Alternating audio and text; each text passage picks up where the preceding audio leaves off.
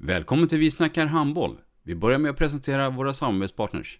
Gubben, är du vaken? Jag, jag tror att det är idag vi får veta. Jag kom in! Mamma, jag kom in! Mamma, jag kom in! Jag kom in! Ah! Vi finns där du är när livet förändras. För alltid välkommen till Länsförsäkringar. Nej men, ska du ha t-shirt på dig? Du, det är ingen vanlig t-shirt. Det är en nya bollar till klubben t-shirt. Och så matchar den grillkryddorna vi ska använda. Hur då? Men det är ju alla ska med på klassresan grillkryddor. Stötta barn och unga. Shoppa på newbodyfamily.com. Länge leve föreningslivet!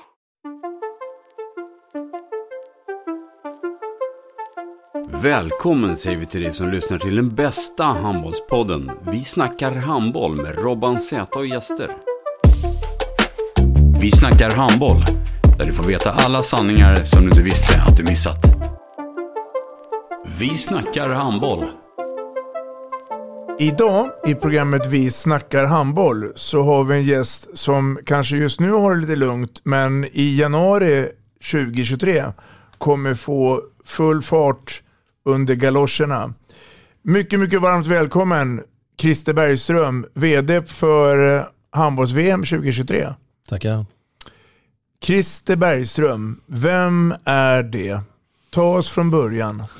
ja, uh, nej, jag är 62, göteborgare, uppvuxen, uh, bor här. Uh, och uh, är ansvarig för kommande världsmästerskap. Vi har ju då två stycken sådana under 2023, uh, herrarna i januari och damerna i december.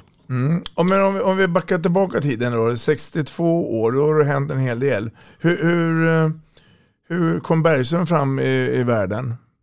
Uh, på vilket har sätt? dina? På vilket sätt får du fråga ja, mina tänker, föräldrar? Jag tänker på familjesituationer det. Nej, men mamma, alltså vi, pappa? Ja, men nu är inte någon av dem i livet längre. Att, eh, men eh, min mamma är faktiskt invandrare, så jag är andra generationens invandrare om man nu ska vara, räkna ordentligt. Mm. Hon kom i samband med världskriget, andra världskriget in i Sverige Mm. ifrån eh, det stora landet i öst. Mm. Och, så att jag har en, en en rysk bakgrund kan man säga i mina blå ådror. Uh, och, uh, däremot så är min pappa, ur, ur, han kommer från Kramfors i Norrland så att, uh, han hade hår under fötterna ungefär. Va? Så att, det är på den nivån när det gäller de bitarna. Men båda, båda kom hit i början, slutet på 50-talet. Och, uh, Syskon? ja, en lillebror som bor nere i Skanör. Mm. Faktiskt. Så att, Mm. han pendlar mellan Skanör och Palma som är hans andra boende. Mm. Mm.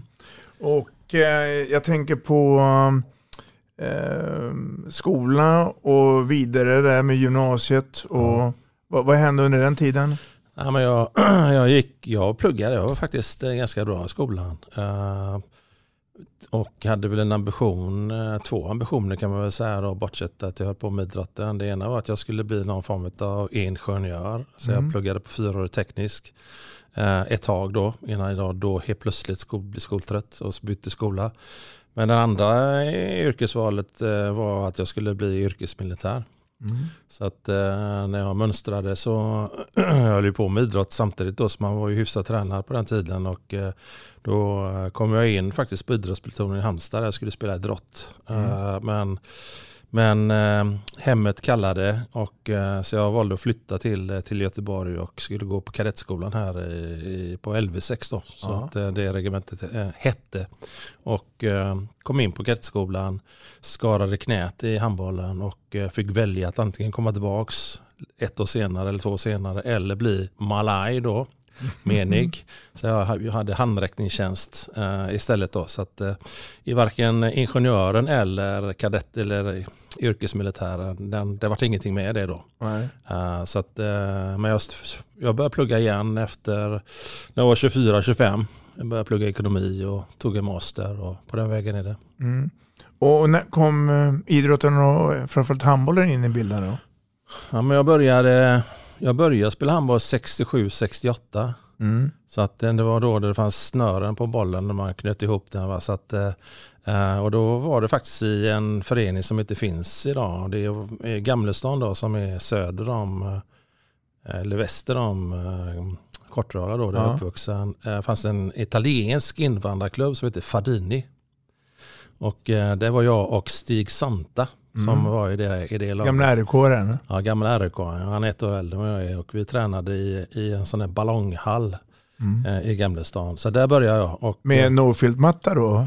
jag kommer eller- inte ens ihåg det. Jag tror till och med det var parkett eller någonting sånt där. Det Ja. var svinkallt också. Eh, men det var kul. Det var, jag testade på handbollen och det var nog bara en ren slump egentligen att jag började med handboll. För att eh, min mamma höll på med idrott eh, när hon var yngre och så jag testade allt möjligt i stort sett. Och, och eh, jag eh, spelar också eh, som 7-8-åring, 9-åring eh, fotboll i ÖIS. Mm. Så jag fick ta spårvagnen själv som 7-8-åring från Kortröra till, till ner här till Vallallaområdet här i Göteborg. Eh, jag, vi hade ju ingen bil så jag kunde inte bli körd heller. Nej, så att man nej. fick ju lösa det själv. På den Ja. tiden var man inte curlad. Som man är var inte riktigt det då. Nej. Utan det var ju bara att bita i det sura äpplet och ta Mm. spårvagnen. Mm. Um, och sen, eh, vi var ett par killar ifrån Kortedala alltså, som spelade fotboll i ÖIS. Och, och då i Kortedala IF då, på den, som det hette då, min, kan man säga min riktiga moderklubb, för det är den jag har varit med längst, så fanns det en, en eh, tränare och en ledare, legendarisk Kortedala-ledare, Gösta Hansson. Mm. Han eh, fångade upp oss 10-11-åringar eh, i ÖIS där och eh, ville få över oss i Kortröla. Så han, han värvade oss med en Coca-Cola, en varm korv eller någonting sånt där läskaktigt och, och sådär. Så att då började vi spela fotboll i Kortröla och startade upp eh, eh, Kortrölas ungdomssektion med pojkar 60. Okej. Eh, så att eh, på den vägen är det. Så från 11 års ålder spelar handboll i Kortröla. Mm. Mm. Och idag finns ju klubben fortfarande kvar. Eh, Ja, med blygsam form. Alltså, Ja. Vi var ju på min tid, um, den byggdes ju upp och det blev ju en jätteklubb i, Mm. i samma mått mätt som Sävehof är idag kan man väl säga. Mm. Vi var ju störst i Sverige och eh, damerna var ju uppe också i högsta ligan. Mm. Och, och vi, vårt herrlag där, vi var också jätteduktiga handbollsspelare men vi hade andra intressen vid sidan av handbollen som tog över och eh, tyckte väl att det här med att satsa på handbollen, eh, det var väl lite jätte, vi spelade ju både handboll och fotboll samtidigt. va, Så att, eh, vi tyckte att det här med eh, det kompisskapet för sidan av var viktigare. Mm. Och så. Men eh, det var en jättefin klubb och en jättestor klubb. Mm. Och eh, eh, en liten anekdot där, som, som 13-åring så hade jag till och med Ralf Lundberg som, som handbollstränare. Så att, Mm. eh, han är idag i, i VM-organisationen också. Va? Så att, eh, Ja, en- aktiv pensionär där. ja, Så. så är det. Så är det. Du, ehm, lagsport, var det, följde det naturligt hos dig? Eller kunde det bli någon in- individuell sport? Ja, jag höll på med friidrott också. Mm. Uh, jag alltså, hade någon form av talang för att springa fort. Uh, vilket jag kunde utnyttja både i handbollen men framförallt i fotbollen. Mm. Uh, så jag höll på att träna friidrott i Ytby. Mm. friidrott. Uh, så det var både längdhopp och, och sprint. Mm. uh, och sådär, va. Så att, uh, men någonstans där i slutändan så är det lagidrotten som är min grej. Det, jag tycker det är viktigt. Mm. Mm. Och, och ju äldre du blev, ju mer fick du ta större ansvar. Jag, jag tänker på relationen med mamma och pappa här. Ja, Och- ja men det stämmer. Så att- De, de, men de såg ändå till att du fick mat i det i alla fall. Ja, men det var knappt faktiskt. Det levde faktiskt under svåra förhållanden. Under, alltså, att växa upp i Kortedala på, på slutet på 60 och, och sen 70-talet, det är inte en dans på rosor. Nej, Så att, eh, det, det var en tuff period i livet, men jag fick ta ett stort ansvar väldigt, väldigt tidigt. Eh, N- när du tänker på den tiden nu Mhm. och, och så jämför du med, med dagens ungdomar som bor i de kvarteren här då. Ser du massa likheter eller? Alltså det är ett annat samhälle idag. Eh, Alltså vi, vi hade... Alltså, om man bara tar saker som våld så var det skillnad på våld och våld. Det var skillnad på, på droger och droger. Det var, alltså det var jätteskillnad. Och, eh, alltså mångfalden i samhället var skillnad på också. Eh, Det är lite grövre idag. Ja, absolut. Alltså, Det är ju mera gängkultur idag. Än, uh, menar, vi hade ju det vi kallar för marskrig. Mm. Eh, och eh, varje, varje, varje mars eh, varje år så var det södra Kortedala mot norra Kortedala mot Kviberg mot Gamlestan och då slogs man med påkar och massa grejer och sådär. Det var det, det var det värsta kan man väl säga. Men idag vågar man knappt gå ut på kvällarna så att, Mm. det är skillnad. Jag tänker mig då när åren går och Mhm. den civila karriären här då. Efter lumpen och hela den här biten. Vad, Mhm. vad hände sen? Efter lumpen? Nej, alltså jag spelar ju handboll. Eh, alltså jag spelar ju egentligen handboll till jag var 49 år. Men, man kan Men blev du rik på det? Nej, för helvete. Det blev jag inte. uh, men jag, alltså jag valde ju som 24-25-åring egentligen att jag kom ju till insikt att alltså, alltså, bli miljonär på handboll, det blir jag inte. Nej. Alltså, det är större chans att bli det om jag skaffar mig ett riktigt jobb och Mm, civil karriär. mm. Så jag valde att plugga som sagt var, och jag gjorde det och jobba parallellt. Mm. Eh, men höll kvar idrotten. Jag var, hade ju mitt första lag eh, som 18-åring, 1978 tränade mitt första lag. Och de killarna är, de var födda pojk, de var födda 68. Mm. Så att, eh, det var Hasse Wunder och en del andra, Mm. Peter Norén och så här. Mm. Alltså killar som idag är plus 50 allihopa. Mm. Eh, men så att jag, jag höll ju kvar mig vid handbollen via tränarskapet men också som domare. Mm. För domare var ju också ett sätt att, att hålla sig kvar vid idrotten eh, på ett bra sätt och kunna ändå kunna parallellt med det jobba och, och skaffa en civil karriär. Så att, eh, och där, på domarsidan var jag med upp eh, i eliten i olika omgångar och, men slutade 95 med domarskapet där. Och- Men eh, Fick lite intäkter på den fronten ja, också då? Alltså det det, det, det, man ska inte förringa de pengarna Nej, som kom in absolut den inte. vägen. Nej, Nej. Det är jättebra om det så att man tänker på alla ungdomar som är där ute idag som Mm. letar sommarjobb Mm. och så här. Alltså bli handbollsdomare det är, eller fotbollsdomare eller vad som Det helst. inte det, är bra, ja, det, är, det är bra pengar.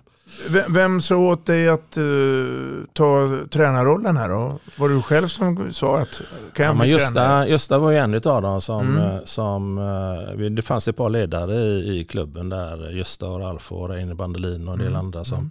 som jag vet inte om de, de såg någon form av talang men det var, vi var en del killar där Mm. som, som de skickade in på tränarutbildningar och vi fick tidigt ta roller i, i klubben ungdomslagen och, och sådär. Och, Och för det kändes ganska naturligt att ta den rollen där då? Eller, Ja, eller för du mig, är det det. för mig är det det. För Ja. man det, det jag säger inte att jag är kanske världens bästa tränare eller ledare men det är en, nat- jag har, det är en naturlig roll för mig Mm. att leda. Mm. Eh, så att det, för mig var det inget konstigt steg att kliva in och ta ett, ett, ett ansvar för ett lag. Och, och um, för bara, eh, jag tänker mera eh, privat också. Blev du någon familj för det där eller var det bara idrott? Nej, men jag har tre barn. Ja. Eh, jag har två söner och en dotter och plus två barnbarn faktiskt. Mm, Så att, mm. min, min äldsta grabb är 35. Mm. Fotbollsspelare, eller Mm. var fotbollsspelare. Mm.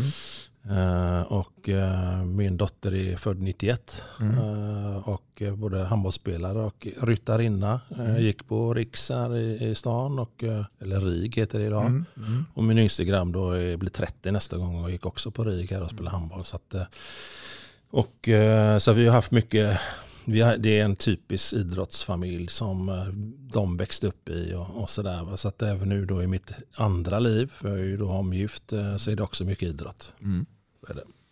Om du nu skulle göra någonting som inte har med handboll att göra Mhm. på sidan om. Eh? Med, med din sambo eller fru. Mm. Vad skulle det vara? Vad, vad brinner du för Nej, men- utanför? Ja, men vi, vi spelar mycket golf. Ja. Uh, min, eh, min nuvarande fru är ju också en, jag ska inte kalla det, jag var elitidrottare, men hon var elitidrottare Mm. och uh, höll på också på med, med bollsport, Mm. innebandy och, och eh, vi gillar verkligen eh, att träna eller och spela golf framförallt och Och resa. golfen är ett naturligt sätt också att... umgås Ja. mycket. Så att vi Mm. reser mycket och, och parallellt med det så spelar vi golf. Då. Så Mm. att det, det är ett jättebra sätt att, att för, fördriva fritiden tillsammans. Mm. Men, men eh, om sonen kommer hem och säger du pappa jag har problem med motorn på bilen. Ska du på med handskarna och Absolut. mecka där? Gillar, och jag är praktiskt lagd också. Ja, ja. Så att, eh, alltså, jag gillar ju verkligen att jobba med huset och trädgården. Och är det någonting som du planken. ogärna gör?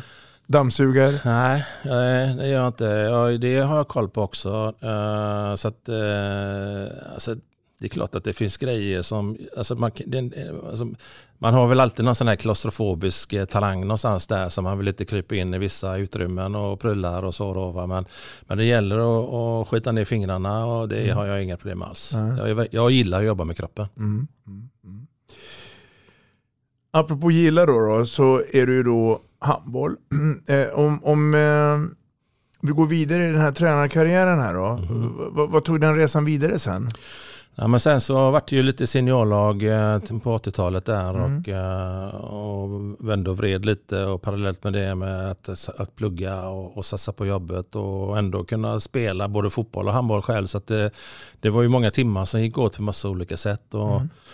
och när mina barn kom eh, till så var jag ungdomstränare och följde dem genom deras eh, handbollskarriär och, och framförallt de två yngsta då, i och med att den äldsta spelar fotboll. Och, och så. Men sen så, det, jag, menar, jag, jag hamnade på GOF och jobbade med utbildning och var instruktör på tränarskolan där och SHF likadant och satt i utbildningskommittén och har haft två landslag ihop med Klingvall och Uffe Nyström och, och, och mastercoach eh, var en av de första som gick mastercoachen. Så jag har gjort allt i svensk handboll kan man väl säga förutom att, eh, att eh, egentligen inte vara A-förbundskapten men, Mm, mm. men jag har gjort det mesta. Men vill du betrakta det som en liten doldis i de här sammanhangen? Eller känner du ändå att här är jag störst, bäst och vackrast? Eller? Nej, men jag är väldigt, jag är väldigt så här, försöker behålla fötterna på jorden Mm. och jag vet ju vad jag kan och Mm. jag vet vad jag har för begränsningar. Och det är klart att eh, eh, när man när man är, har varit med i idrotten så länge och varit med så länge på massa olika områden inom handbollen så, och sett både insidan och utsidan och fått möjligheten att uppleva mästerskap på massa olika sätt. Och, men jag fick ju ändå förmånen att till exempel det första landslaget vara med med Jim Gottfridsson och Lagergren och Vanne och Peter Johannesson och allt vad de heter som idag driver A-landslaget framåt. Och Det är ju en fantastisk eh, härlig resa och få, ändå få vara med på yttersta nivån i slutändan. Och, så att eh, nej, jag, jag, jag är ju inte färdig. Nej. Alltså jag har ju bara pausat tränarskapet. Jag var ju Du tränare, känner det? Ja, men jag var ju tränare i Önneryds damlag där på Mm, SOE mm, fram mm. till förra, förra, förrförra säsongen.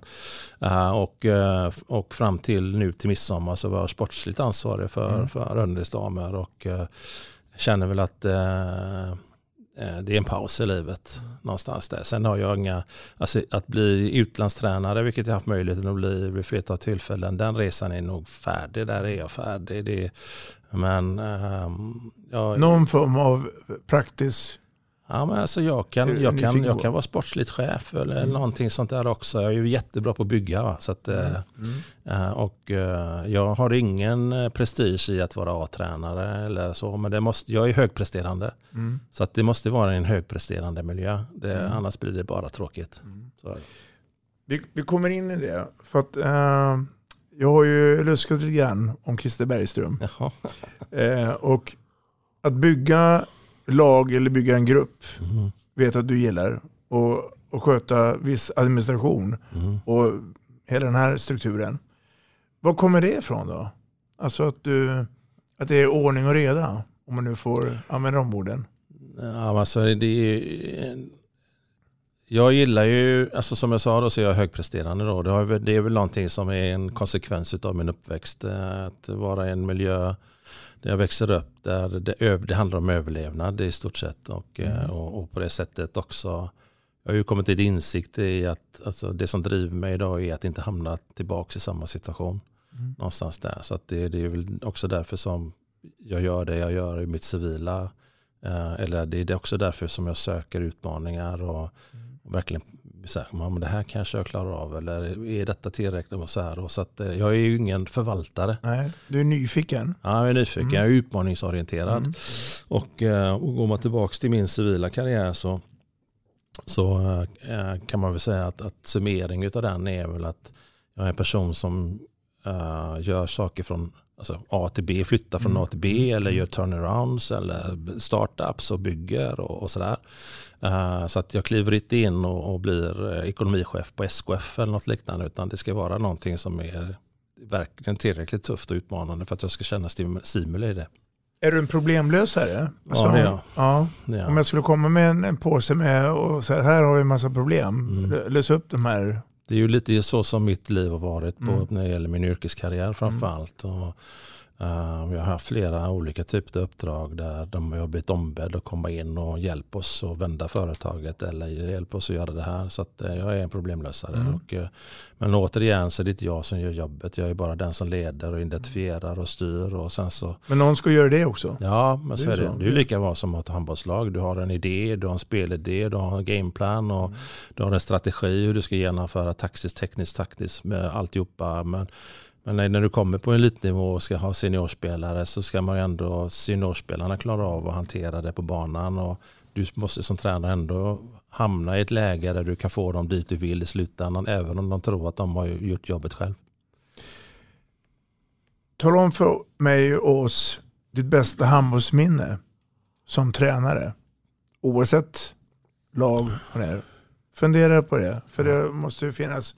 Men något eller några minnen som du ja, verkligen... Alltså jag, alltså bara ta till mina barn så är det klart att deras första handbollsmatch är alltid någonting som kommer att komma där. Och, och, mm, det som dyker upp i huvudet just nu är min dotter när hon spelade i Sävehof en gång i tiden. Eh, på, vi hade, då var Partille Cup i Partille, mm. eller i Sävedalen och vi var i Läxby eller inte Läxby, eh, Vallhamra, mm. nere på det vi kallar det för rugbyplanen. Mm. En, en, gammal gräsplan nedanför eh, Vallhamra idrottsplats där, där hon lirade och vi mötte Lugi och sådär. Det är sådär, när man ser småtjejer, då var de kanske 10-11 år, 8, 9, 10, ja, 10 år. Och egentligen bara ropar och hoppar, passa, passa, passa och lite så här. Det är ju sånt här som man tycker ändå, ja, men det, är ett schysst minne och lite sånt. Det är klart att även då mitt första lag där med pojkar 68 då, i Kortrala. Mm. Uh, när man ser ändå hur, hur de går framåt och det drivs framåt. Eller JVM med eh, Jim Gottfridsson. Och, eller vad det, nu, det finns massa minnen. Mm. Man, jag älskar eh, Önners damer och tycker att varenda match som vi gjorde med Önners damer skapar minnen på olika sätt. Och, mm. och sådär. Och det är klart att även nu när jag var sportlig chef nu sista året här och man ser att man vinner mot Skuru hemma, vilket man aldrig gjort tidigare. Det är klart att det blir ett minne med. Mm. Mm. Men, men mötet med människan är alltid bra minnen. Mm. Jag har varit på Heden nu två dagar, kanske en timme om dagen och sådär och träffat på Alltså man känner, man träffar människor som... Alltså det, är ju, alltså det som är fördelen med handboll det är att, att du skapar relationer genom generationer. Mm. Och det är en styrka. Vi går tillbaka till min första, det här med Fadini i början mm. där med mm. Stisse och så. Min första handbollsmatch var mot Västra Frölunda. Och på högerkanten var Chippen. Mm. Lars Danielsson då, som spelar i Västra Frölunda. Mm. Och då var han ju ett år yngre än jag. Alltså det, vi har känt varandra i, vad blir det, 55 år typ. Någonting sånt där. Mm. Och det är klart att du skapar ju minnen. Och det kommer ju upp i banken hela tiden. Va? Men det går genom generationer och det tycker jag är jävligt starkt. Mm. Någon eller några på Handbollförbundet mm. frågade dig för några år sedan. Mm. Vill du vara med och jobba med mästerskapen? Mm. Hur gick det till? Nej men alltså eh, detta var 17 tror jag. Uh, 2017 uh, så fick jag en fråga från Stefan Lövgren. Och då hade man en process där man skulle sätta en ny organisation. Frank Ström då, uh, hade ju varit ansvarig för mästerskapen i många mm. år innan. Eller många mästerskap innan och mm. sen tidigare det då. Eh, Bland annat det som var VM 2011. Ja, och innan dess då Elof, Arne Elofsson och mm. Hasse Hansson och, och så här. Och och, eh, och då kände, kände väl förbundet på något sätt att man ville få en, en ny generation mm. som ska driva. Och eh, då hade vi en dialog hösten 2017 och då satt jag som vd i ett börsnoterat bolag och pendlade mellan Göteborg och Malta.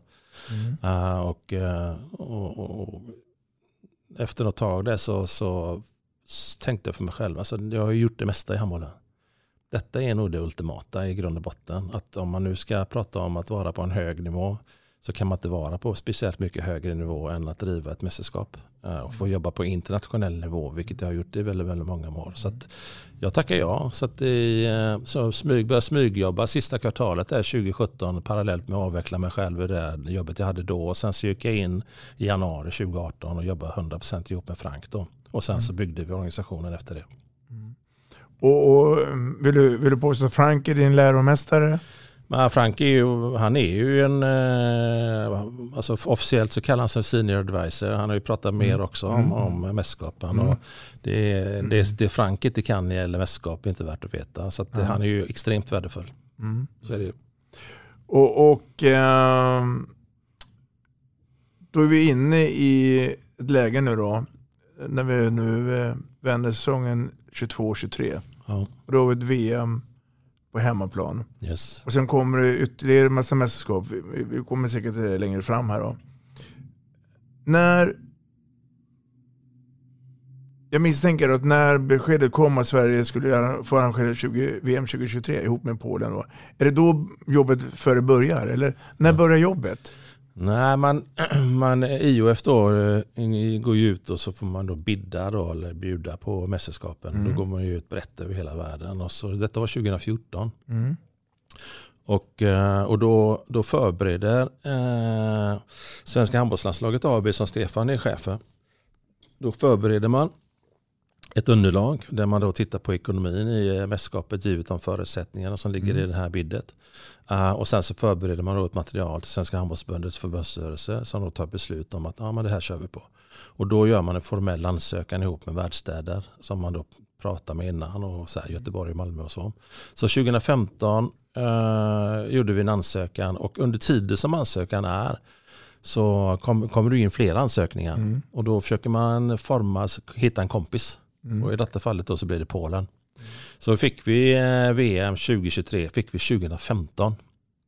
Eh, och då hade vi ju redan fått besked om att vi skulle köra EM 2020 också. Och vi hade EM 2016 framför ögonen. Och sådär. Eh, så att då la man ju det lite sådär vid sidan. Och, så, och, eh, och då kom in med EM där i januari 2018, två år innan vi skulle göra Europamästerskapet, genomförde Europamästerskapet. Och vi, eh, sedan 2011 så bedriver vi mästerskap i aktiebolagsform. Så att varje gång som vi kör ett nytt mästerskap så startar vi ett nytt aktiebolag. Och då, då är det ju så att till skillnad mot många andra länder i världen så har vi ingen förfinansiering. Eh, Så förbundet skickar ju inte in massa pengar eller Nej. det kommer ju ingenting från EOF eller IOF eller sådana här. Och vi har ju inget eventbolag i Sverige som skickar in massa pengar heller. Danmark och, och sådär, där har man ju finansiering. Nu som Polen har ju finansiering från polska staten och så. Vi får, vi, det här, då blir det ju detta en startup. Eh, och, eh, och då får, Man börjar på noll. Ja, börja från noll. Ja. Fullständigt noll. Du har ett avtal att förhålla dig till eh, och lite förutsättningar. Sen är det som att bygga vilket bolag som helst. Och eh, i det handlar det om att skaffa kapital och finansiering. Och sen så växer du från mig och Frank och till när vi nu kommer köra eh, VM här i januari på här sidan så är vi 1500 personer som jobbar i det bara i Sverige. Och efter mästerskapet så gör man bokslut och, och sen så likviderar man bolaget. Pengarna då som då förhoppningsvis det blir över går tillbaka till svensk handboll. Till, till Svenska Handbollförbundet då? Ja, Ja. För eh, AB har- går i graven. ja. Mm. Okej. Så vi börjar kan man ju säga jobbet två, ett och ett halvt två år innan vi ska genomföra Mm. mästerskapet. Du var inne på kapital där då. Mhm. Och då, då misstänker jag att vi pratar om reklamintäkter, eh, biljettförsäljning Mm. um, och så vidare. och så vidare. Mm. Det är ju också en process. Ja, det är det. Eh, hur börjar man där då? Eh, är det så att eh, alla som vill vara med får vara med? Eller börjar man med det största bolaget i Sverige? Hej, vill ni vara med här? Ja, men, eh, strukturen är ju att IOF och EOF Mm. som eh, internationella förbund har ju alltid de högsta rättigheterna. Mm. Så att de har ju då rätten att teckna till exempel eh, ett stort byggvaruhus eller matkedja. Det gör ingenting om vi pratar eh, reklam här i i Nej, podden. men ta Lidl som ett Ja. exempel som också är Svensk Handbolls stora partner. Så då tecknar de ett globalt avtal eller europeiskt avtal med Lidl. Mm. Och då kan inte ICA gå in. Då kan inte vi teckna ICA. Däremot så kan vi göra ett samarbete med Lidl i Sverige. Mm. Och sådär. Uh, så det, finns en, det finns en struktur Mm. för rättighetsnivåerna. Och, uh, och sen i, i, i sista hand så får till exempel den lokala organisationen i Göteborg göra någon lokal deal med gym. Då, men då får de inte dela ut massa rättigheter. Utan då kan man göra en barter till exempel. Och så så, att, så att där, där finns en del i det. Den andra delen är ju givetvis biljettförsäljningen. Det är ju den största delen i, i alltihopa. Och att där vi då väldigt, väldigt tidigt lägger strategin för hur vi ska sälja biljetter. Och väldigt, väldigt tidigt börjar bearbeta eh, företag, elitklubbar, organisationer i övrigt och sådana saker. För att eh, undvika att vänta på konsumentförsäljningen. För konsumentförsäljningen kommer alltid sista kvartalet. Mm. Och innan dess måste vi veta lite grann. Vi måste få lite surr runt omkring de här bitarna. Och då blir det väldigt mycket manuell försäljning. Där jag, vi är ute och pratar med bolag och sponsorer. Och så här. så att den första, kan man säga, ett året är präglad av business to business försäljning. Mm. Sen kommer konsumentförsäljningen in efter det. Men nu delar ni ju det här mästerskapet som kommer 2020 med Polen. Ja, Och, och jag eh, tänker mig då biljettpriserna. ja. Vem bestämmer dem? Gör Ja. du det eller gör eh, IOF det eller gör man det tillsammans? Ja, men vi, gör, vi sätter upp en, en struktur, jag och Frank, avseende eh, det vi Så, tror det som är i Sverige? De ja, matcher det som är i ja. Sverige. Så gör vi en, en, en, vi gör en budget, en kalkyl och, och sen förankrar vi eh, det med arenorna och får lite känsla för vad arenan tycker och tänker och är rimligt och så här. Och vi delar ju in arenan i olika kategorier Mm. och så. Och för oss är det ju viktigt att alla ska ha råd att gå på en mästerskapsmatch oavsett Mm. om det är final i Tele2 Arena eller första matchen här i Göteborg. Och så, så ska det alltid finnas biljetter som man har råd att köpa. Och så. Eh, Mm. Det är bra med att det finns alternativ. Ja, men det är Mm. jätteviktigt. Ja. Uh, och, så. och sen så gör vi en, en prisstrategi och så eh, gör Polen motsvarande arbete. Uh, och vi, vi, är ansvarig, ba- vi är ansvariga för våra, våra egna intäkter och våra egna kostnader. Mm. Uh, och sen så är det ju alltid lokala avvikelser då med tanke på den socioekonomiska positionen i de respektive länder så att det kan det skilja lite. Men sen så presenterar vi någonting som är hyfsat lika till Mm. IOF och så säger de okej, de, sen får vi bara, sen kör vi bara. Mm. Men skulle de också kunna säga nej, nej, nej, det här håller, eh, är för högt, ni får sänka? Ja, men det, ska, det kan de. Och då, Ja. Vi benchmarkar alltid mot mästerskap innan. Alltså vi, har, vi tittar på så här, 2021, 2019 Mm. och 2017 och så där. Och så här gjorde vi då och sådana saker. Så det, Kan det vara så att du och Frank exempelvis jämför med andra idrotter, hur, hur, hur fotbollförbundet tar eller eh, hockey, Ja, ja, men- hockey-VM det? Mm, det gör vi framförallt ihop med arenorna som har Mm. bättre koll på de olika idrotterna. Eh, och eh, om man jämför nu då 23 med 20 som vi hade så har vi inte höjt priserna från 20 till 23 utan Nej. vi har behållit samma prisnivå trots att det är inflation i Sverige. Mm. Mm. Så det är egentligen billigare. Ja. Men du Christer, en sak som måste vara oerhört svårt eh, och det är ju att veta hur mycket folk som kommer till arenorna. Ja. Vi kan ha en känsla, du och jag, Ja. men verkligheten kan vara något annat. Hur tacklar man det? Vi gör alltid en eh, konservativ budget. Eh, Där vi, eh, vi, vi har ingen övertro på att vi ska sälja slut, även, om vi går för att sälja slut. Så vi gör alltid en konservativ budget. Och där vi, nu är det ju så också så här att i, nu till VM här så har vi ju då fått möjlighet att välja ett kvalificerat lag till varje grupp. Mm. Vi har ju då fyra stycken grupper i, Mm. I eh, Sverige. Jönköping, Kristianstad, Malmö och Göteborg. Mm. Och, då, då, och tillsammans med Polen så har vi kommit överens om vilka lag som vi vill välja utav de som kvalificerar sig. Och då har vi valt Kroatien och Island. Kroatien, Jönköping, Island i Kristianstad. Publiklag. Mm. Danmark i Malmö.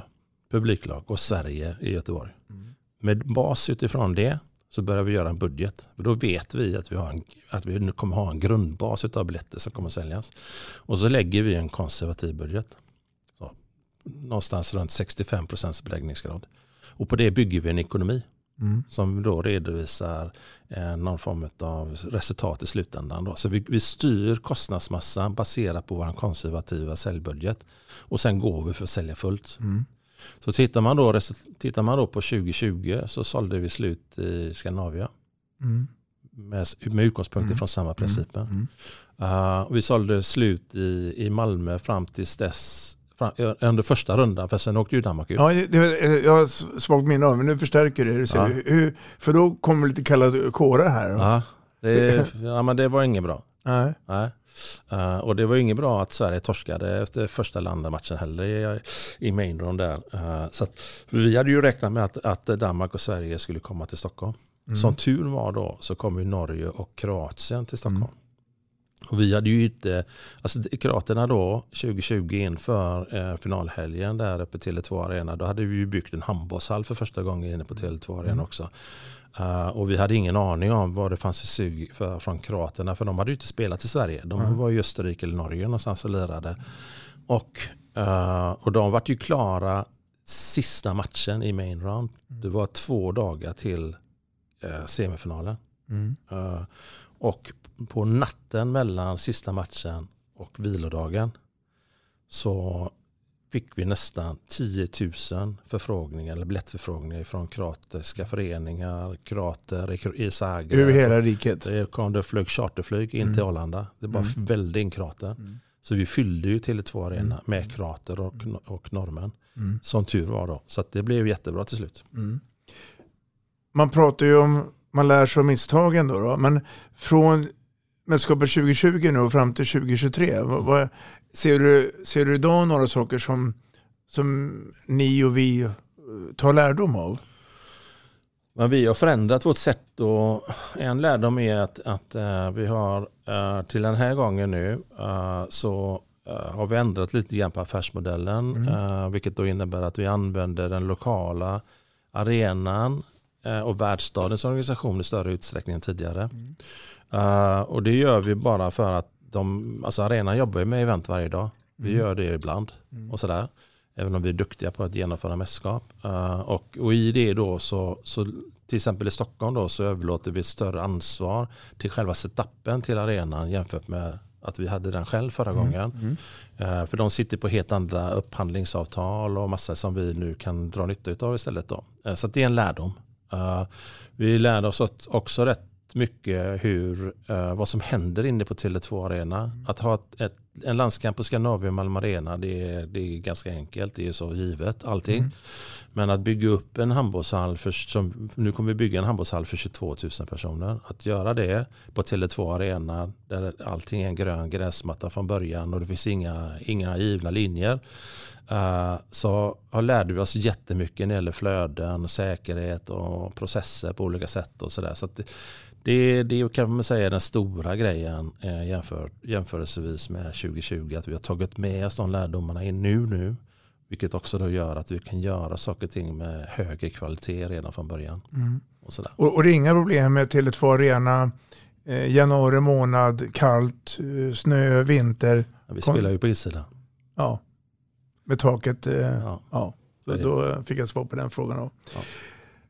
32 nationer Ja, fördelat då i Polen och Sverige. Sverige. Mm. Alla de här sakerna då, och sen, och sen kommer vi in på det här med de olika VM-orter. Ja, Och varje ort har sin egen organisation stämmer. med sin egen eh, minichef eller chef. Då. Mm, stämmer. Här är jag lite nyfiken, hur, hur, hur går det arbetet till då? Ja, men det första vi gör då är ju att i, alltså i, i relationen med Europeiska handbollsförbundet och Internationella handbollsförbundet Mm. så finns det krav på vilka funktioner vi måste ansvara för. I respektive ort? Det är tävling och det är Mm. medicin och det är säkerhet och akkreditering och så här. Så vi tillsätter en funktionell organisation, Mm. man kan säga projektledare då. Mm. Där eh, Ralf Lundberg är en sådan projektledare som jag nämnde hans namn tidigare. Han Mm. ansvarar för tävling. Mm. Övergripande så ansvarar han för tävling. När vi har satt upp den organisationen så sätter vi upp en motsvarande organisation i varje världsstad. Mm. Det vi kallar för den lokala organisationen. Som då består av världsstaden, värdarenan, den lokala handbollen, till exempel Handboll Väst här i Göteborg. Och så har vi då en, en, en lokalt chef. Men sen så, så sätter man då upp en tävling, akkreditering, medicin och säkerhet i varje sån världsstad. Mm. Som då, om man återigen går upp till Ralf då, som Ralf jobbar igenom fast inom sitt funktionsområde. Mm. Uh, så att, eh, och sen så drivs hela projektet i styrgruppsform. Så att vi har avstämningsmöten, de har lokala möten, sen har vi centrala möten och sen workshoppar vi oss igenom alltihopa. Uh, och, eh, eh, så det, är, det är funktionsstyrt allting. Så vi, driver, vi, vi decentraliserar hela projektet, trycker ut projektet på lokalt, på den lokala verksamheten. Och sen så är det jag och Frank och så någon till då, som managerar alltihopa. Så, att vi har, så i mitt fall då så, så har jag ansvar för Göteborg eh, och Stockholm. Och så har Frank ansvar för Malmö och Kristianstad. Och så har vi då Tobias Freisfors som ansvarar för Jönköping. Och så, där. så managerar vi det och så driver det mot Stockholm. Så oavsett var jag är någonstans på VM-orterna så ska jag känna igen mig. Mm. Det är bara att det är lite andra människor på respektive ställe. Arenan kommer att se ut likadan på insidan. Mm. Alltså vi, vi brandar ju Ja. arenan. Och så. Uh, alla funktioner kommer jobba likvärdigt. Musiken kommer låta samma sak. Det som kan ses i Mediakub, alltihopa, allting. Du kommer inte se någon skillnad förrän du kommer till Stockholm. Mm. För då är det, värt, då är det VM-final, då mm. händer någonting som lite mm. extra. Mm. Och det gillar IOF, när ja. det är lite annorlunda. Ja, mm. Du, eh, vi pratar om det här med intäkter. Och eh, en annan grej då som är ohyggligt viktigt eh, och ger massa pengar, kanske inte till Svensk Handboll, jag vet inte riktigt. Jag tänker på tv-rättigheterna. Mm. För de äger ju inte ni, utan Nej. det ägs av förbundet. Nej, inte ens det. Okej. Okay. Um, ehm, IOF då och EOF har ett uh, rättighetsbolag som de har samarbetat ihop med. Mm. I EOFs fall så är det Infront och i IOS fall så är det Sport 5. Så just nu så jobbar vi mot Sport 5. Mm. Sport 5 då har två eh, ansvar. Det ena är alla marknadsrättigheter, att sälja till Lidl till exempel. Mm. Och att sälja tv-signalen till tv-bolagen runt om i världen. Så IOF äger alla tv-rättigheter och sen så outsourcar de säljet till Sport 5. Uh, eh, så att när fransk tv ska sända VM så får de köpa signal Alltså de får betala mm. mycket mm. för signalen. Så vi, har, vi tjänar inte en krona på tv. Hade vi gjort det så hade jag varit jättenöjd. Ja, vi skulle kunna vara miljonärer du och jag. Ja. Om vi gjorde det. Ja. När det gäller radion då? Åker de på en eh, bananskal? Mm. Det är samma sak där. Så att, uh, P4 när de sänder med Wislander i, i luren ja. så har de betalat för att få sända. Ja. Skillnaden där är de ju ensam. jag tänkte på eh, konkurrenssituationen där då. um, mm, spännande. Uh, hållbarhet då? Vet att du pratade mycket om 2020. Ja. Alltså det är, bortsett säljet då så är hållbarhet vår viktigaste strategi. Vi uh, jobbar stenhårt på det. Uh, vi började 2016 före min tid uh, med att certifiera, miljöcertifiera i Göteborg.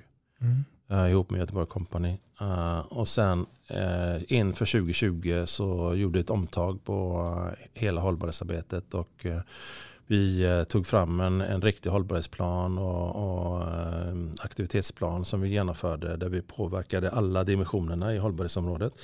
Socialt, ekonomiskt och eh, miljömässigt. Men vi la till ledarskap som vår fjärde dimension.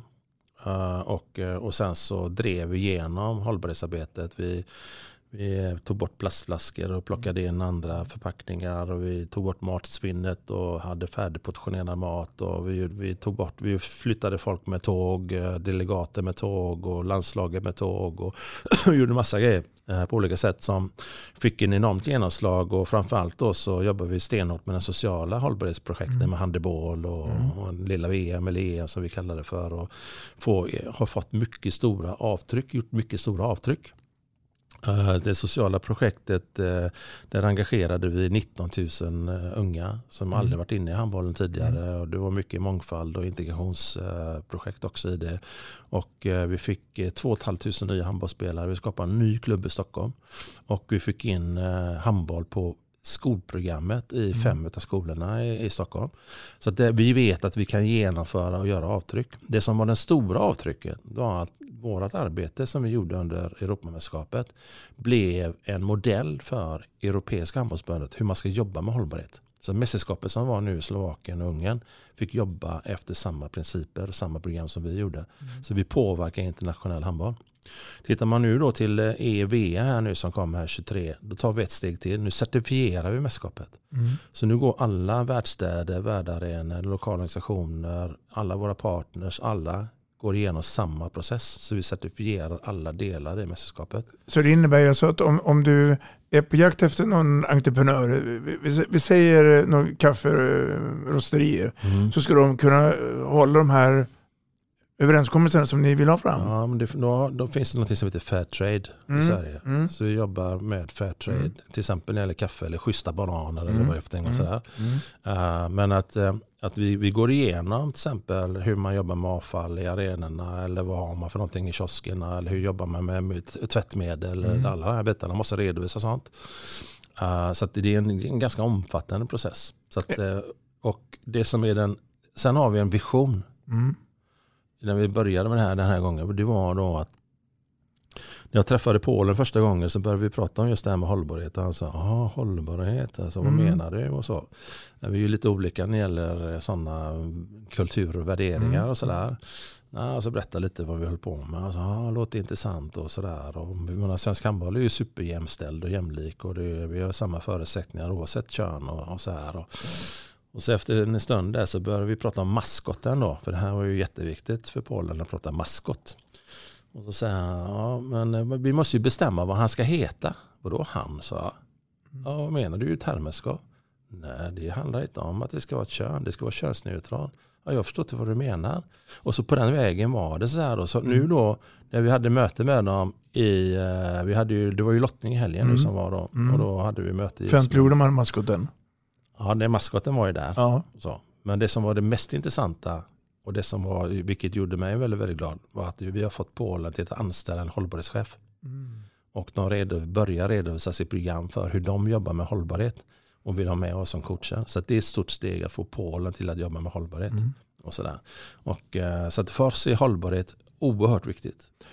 Var det samma dialog och det när ni hade 2020 med samarbetet med Österrike? Nej, det var mycket lättare. Ja. Ju så. Sen är ju Norge ju närmare oss Mm. eh, det avseendet. Österrike är ju, vill ju vara nära. Men, eh, Tycker du att vi är för seriösa i Sverige? Nej, men jag, jag, alltså vi, vi gör, vill ju gärna göra saker och ting i världsklass. Alltså handboll, vi gör ju handboll i världsklass. Det är en gammal slogan. Ja men så är det ju. Mm. Och, eh, och även i det här fallet då så vill vi göra saker och ting i världsklass. Så vi, Mm.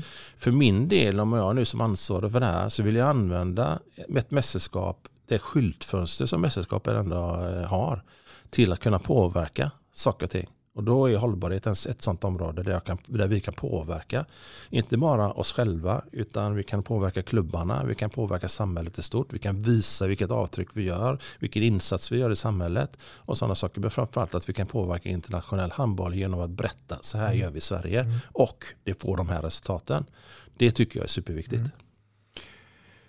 Att hitta ledare och tränare Ja. till dagens ungdomsverksamhet är ganska tufft. Man, Mhm. man hinner inte, eller titta inte på mig, jag, jag, jag, jag kan inte. Um, nu ska inte jag jämföra det med, noga med det jag är inne på. Volontärer Mhm. går åt en hel del Mm. i samma mästerskap. Hur löser man det? Hur får man dem attraktiva att vara med? Alltså vi har ju en viss erfarenhet av att bygga en volontärsorganisation. Mm. Ehm, och sen finns det en del andra idrotter som är duktiga på det också. Uh, lokalt till exempel Frölunda Hockey har ju eh, en stor organisation också som de jobbar med. Eh, och även då uh, Gotevent Göteborg Company har ju också en volontärsorganisation som de jobbar med. Så det finns ett nätverk av människor. Men vi har eh, aldrig haft ett problem att få in volontärer. Vi har alltså konstant förfrågningar. Eh, Så fort folk får veta att vi ska ha ett mästerskap i Sverige så anmäler man sig frivilligt. Och vi har gjort föranmälnings... Eh, man kan intresseanmäla på, Mm. på förbund- Olika om, områden. Ja, för på, Ja. på förbundets sajt så finns det en länk Mm. man kan så här. Och eh, vi kommer behöva någonstans runt 1500 volontärer. Idag har vi 700 som har föranmält intresset. Mm. Eh, och den 15 augusti så kommer vi att släppa det officiellt att nu kan man börja söka och registrera sig att vara med som volontär. Och därefter så börjar vi tillsätta folk. Och du är inte orolig att det inte kommer... Aldrig. Nej, jag, jag, jag förstod det. Har vi några slogan då till eh, VM? Det här är nu så, alltså vi satt, det är en av de bitarna som man pratar om först. Alltså, vad är det vi egentligen ska kommunicera? Vad ska vara vår bärare? Och under Europamästerskapet senast så var det Dream, Win, Remember. Alltså Mm. så, så skapa drömmar avtryck och så här. Och någon form av minne över tid och så. Så kan man bygga massa kontexter kring det där. Och nu har vi ju då alla gått igenom en tuff period i samhället med covid och, och som har då fått påverka människor på olika sätt. Och, och, mm, vi har inte kunnat ha några event och vi har inte kunnat se handboll live eller någonting sånt där heller. Eller flyga och resa till Grekland i solen och så. Eh, och då, då, så när vi satt och lurade på det så sa vi så här, nej, nu måste vi skapa energi. Vi måste göra saker och ting tillsammans. Vi måste få alla till att gå mot samma håll. Och, så där. och då sa, sa vi så här, vi stick together. Stick together, det är det som är våran grej. Nu gör vi grejerna ihop. och, eh, och sen så bygger vi kontexter kring de bitarna. Och ett sånt där minne som, ja, har du pratat om minne förut? Mm. Och, och, för mig var det väldigt, väldigt starkt. Då. Bortsett då att, att Alltså det, det, finns ju ett skäl till att jag håller på med mästerskap överhuvudtaget eller engagerar mig i handbollen. Och det är ju den unga människan. Alltså att jag kommer ifrån den roten hela tiden. Alltså jag, utan idrotten så vet inte jag om jag hade suttit här idag om jag ska vara riktigt ärlig. Men, men, men alltså, jag gör ju inte det för att jag har hyfsat betalt. Utan jag gör ju det för att skapa resurser för unga människor. Så det är, viktigt, det är en, viktig, det är en stark drivkraft för oss som mm. håller på med detta. Och när man då jobbar med det här och gör hela förarbetet i två år och allting är egentligen bara pappersprodukt och sen så blir det bara verkligare och verkligare och sen så kommer jag ihåg när Sverige skulle spela premiären i Skandinavien under Europamästerskapet senast och då var det mot Schweiz. Mm. Och man bara ser att arenan fylls med människor och de känner ju inte varandra. En del känner varandra men de går dit med handbollskompisar eller någon supporterklubb eller en förening och så här. Men majoriteten har ju ingen direkt korsrelationer på det sättet. Och killarna då, Jim och gänget också. Och det är klart att det kanske ligger lite i botten också att jag har varit med och, och kört ett landslag ihop mm. med de här killarna som ändå var majoriteten av truppen vid den tidpunkten. De står i spelarentrén där ihop med det schweiziska landslaget ska gå in i, i premiären. Och där våran eventproducent Peter Wikström bara får en snilleblixt helt plötsligt och slår på Tommy Körberg, Stad ljus från mm. 1968 i mediakuben och bara blåser ut i högtalarna. Och man ser alla människor ta fram sin mobiltelefon och tänder den mm. och sjunger med.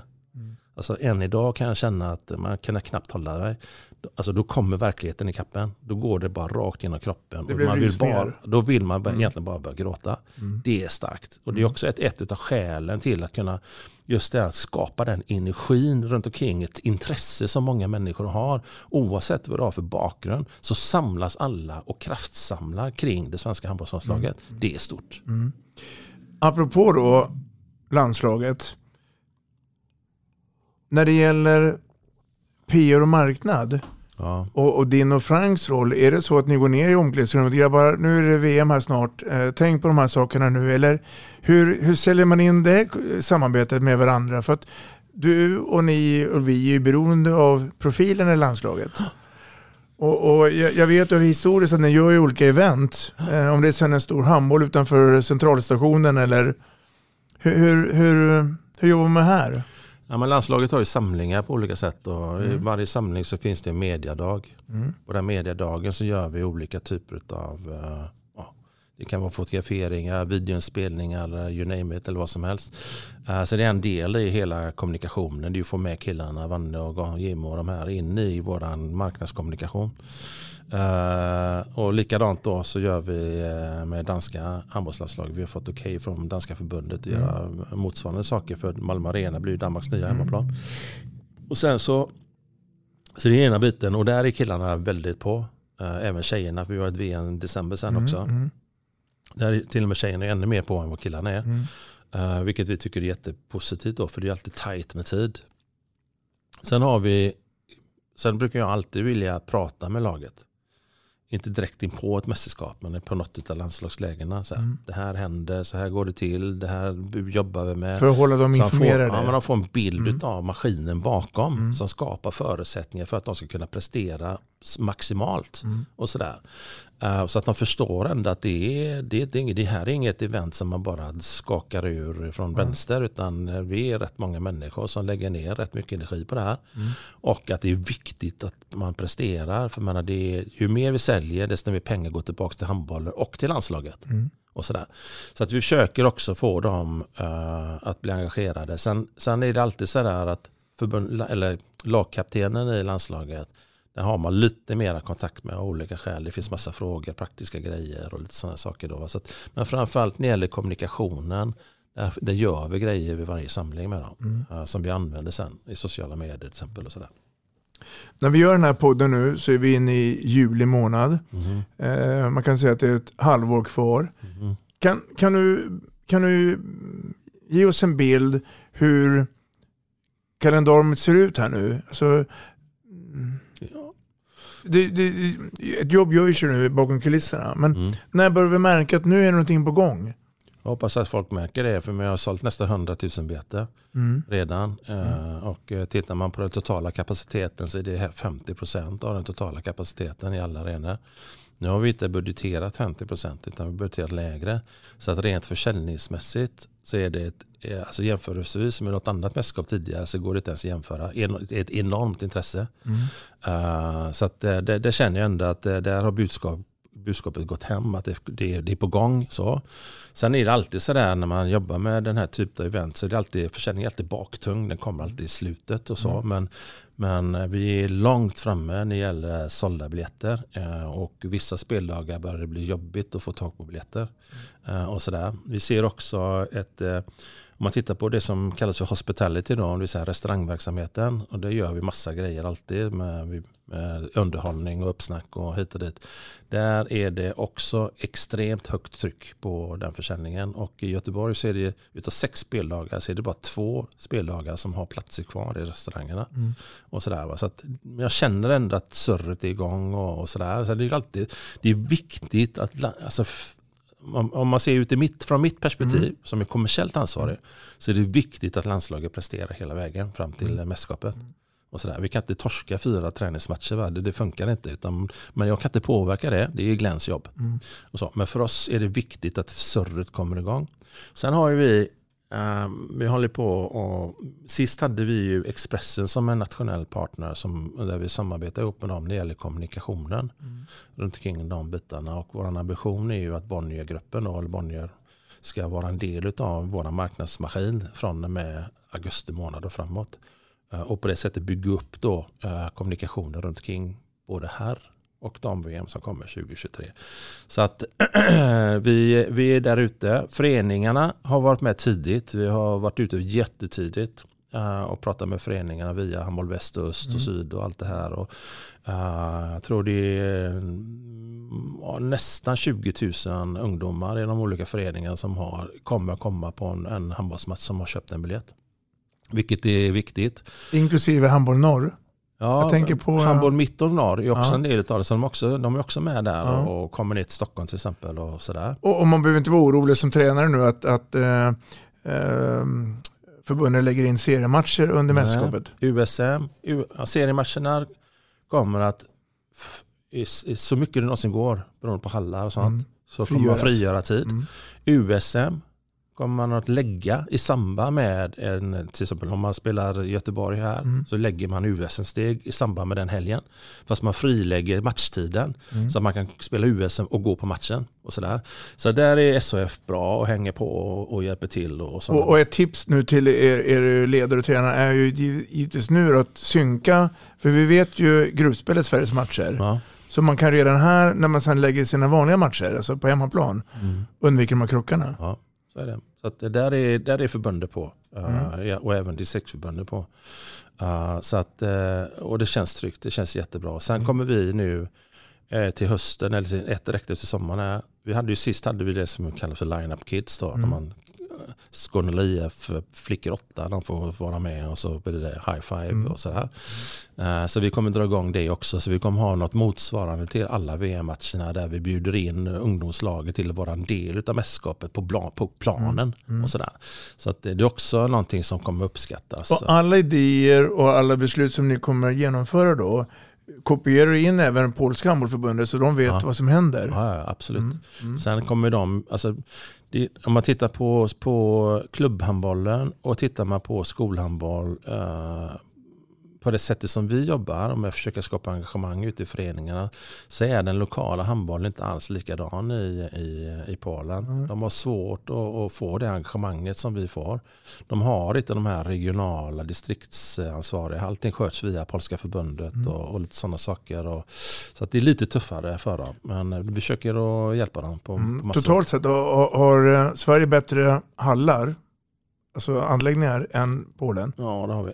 Mm. Än så länge. Mm. Så att, eh, men där är, även där börjar, nu, alltså där börjar vi få en utmaning framöver. Eh, för kraven från förbunden ökar när det gäller antalet människor som man måste ha storleken på arenan.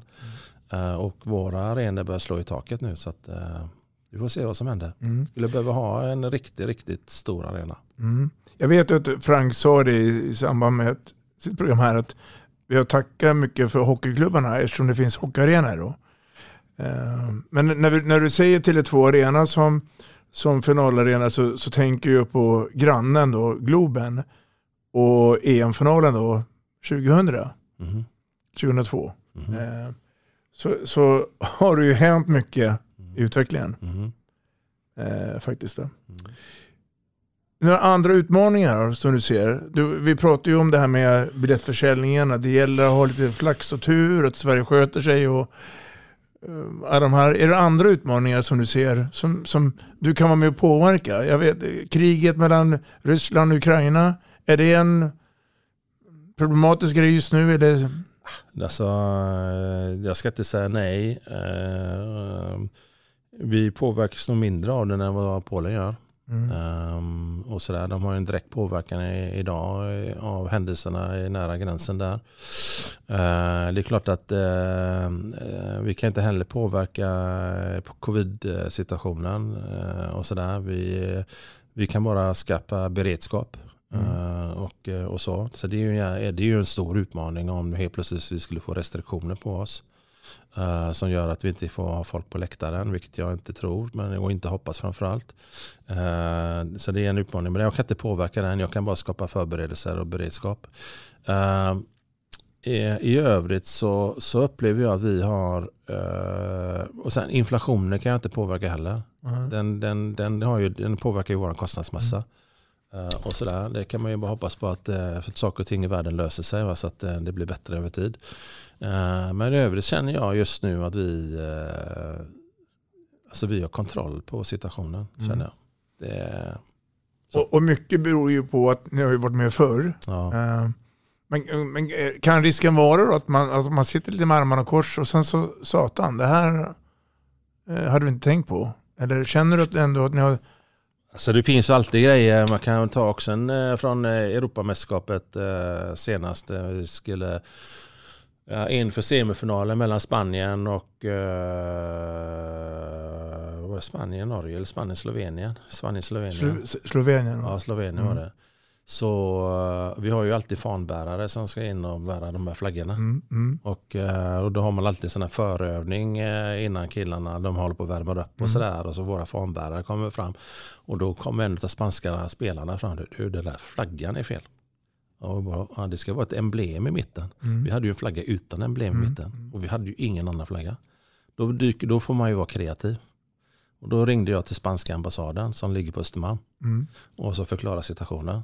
Han halade eh, den officiella flaggan på, på ambassaden. ja. Åkte till ett två arena och så när vi skulle gå in så satt den riktiga flaggan Ja, där. Sådana grejer kommer ju alltid dyka upp. Så att, Ja. eh, Har du det mesta i huvudet? ja, men eh, om du Apropå pratar det här med någon, administratören. Ja, men om du pratar med folk i min organisation Mm. så kommer de, en del kommer säga så här, "Ja, men hur fan kan du hålla allting i huvudet? Mm. Och så. Men det är klart att vi har det, jag är, jag är ju datadriven. Mm. Mm. Och så. Det är ju Excel och det är Mm. Word och det är alla möjliga. Så att jag har miljoner filer. Va? Men mycket sitter ju där. Och jag har ju läst igenom eventmanualer. Gång till, Men du har en plan B med hjälp av datan? Ja, ja, Ja. allting, Ligger, alltså, allting ligger centralt. Så att det, det finns där dokumenterat. Är Christer Bergström ett kontrollfreak? Eh, inte freak, men jag gillar att ha koll på läget. Jag och Frank är ungefär samma på det sättet. Då. Vi gillar att ha koll på läget. Så Mm. att, eh, det, det, och samtidigt så, jag, eh, alltså, min, en av mina stora styrkor som ledare det är, det är att lita på människor. Delegera ut ansvar, ta ansvar, men ändå styra in dem mot målet hela tiden. Vill du kort säga någonting om vad som hände till december Mm. 2023? December har vi ju då eh, damernas VM ihop med Danmark och Norge. Mm. Där sitter vi lite grann i baksätet. Vi har det minsta projektet. Det kommer spelas i Helsingborg i en grupp och sen i Göteborg kommer då svenska landslaget spela. Både första rundan, andra rundan och sen eh, eh, kvartsfinal. Är inte det ganska skönt också då och in- och inte känna att vi har vi har haft ett stort mästerskap i januari och sen så får vi ha ett till men vi har lite en lägre profil. Mm. Eller känner du att man vill vara nummer ett överallt? Jag vet ju hur jag fungerar. Ja, Så att, eh, jag, får, jag får se om jag klarar av att vara nummer tre. Jag vet inte. Men, Nej. eh, men, men det, jag tror att i det här läget, eh, alltså, återigen då när man bara gör en reflektion tillbaka till Europamästerskapet senast så, Så uh, första veckan efter EM-finalen kommer jag inte ihåg någonting. Jag kommer inte ens ihåg hur jag kom hem. Uh, så det blir sån här post-EM. Mm. Och av det skälet då så, så tror jag att det är skönt att vi inte har två sådana gigantiska projekt utan man sitter lite i baksätet. Och det är samma organisation som vi kommer köra med Göteborg och mm. allting är lika lika. Så att, på det sättet är det skönt. Mm. Christer Bergström, mm. nu är det så här att tiden har kommit ikapp oss. Jag vill eh, uttrycka ett stort tack för den här stunden i Visnacker handboll. Lycka till nu framöver och jag hoppas att eh, du känner dig delaktig att få dela med dig nu allt du vet och kan om handbolls-VM 2023. Ja, tack själv Robert. Eh, det var jätteroligt att få vara här. Eh, men ett sista ord. Glöm inte att köpa biljetter till premiären i Skandinavien den 12 januari. Där Sverige möter Brasilien. Biljetter finns på handball23.com eller ticketmaster.se.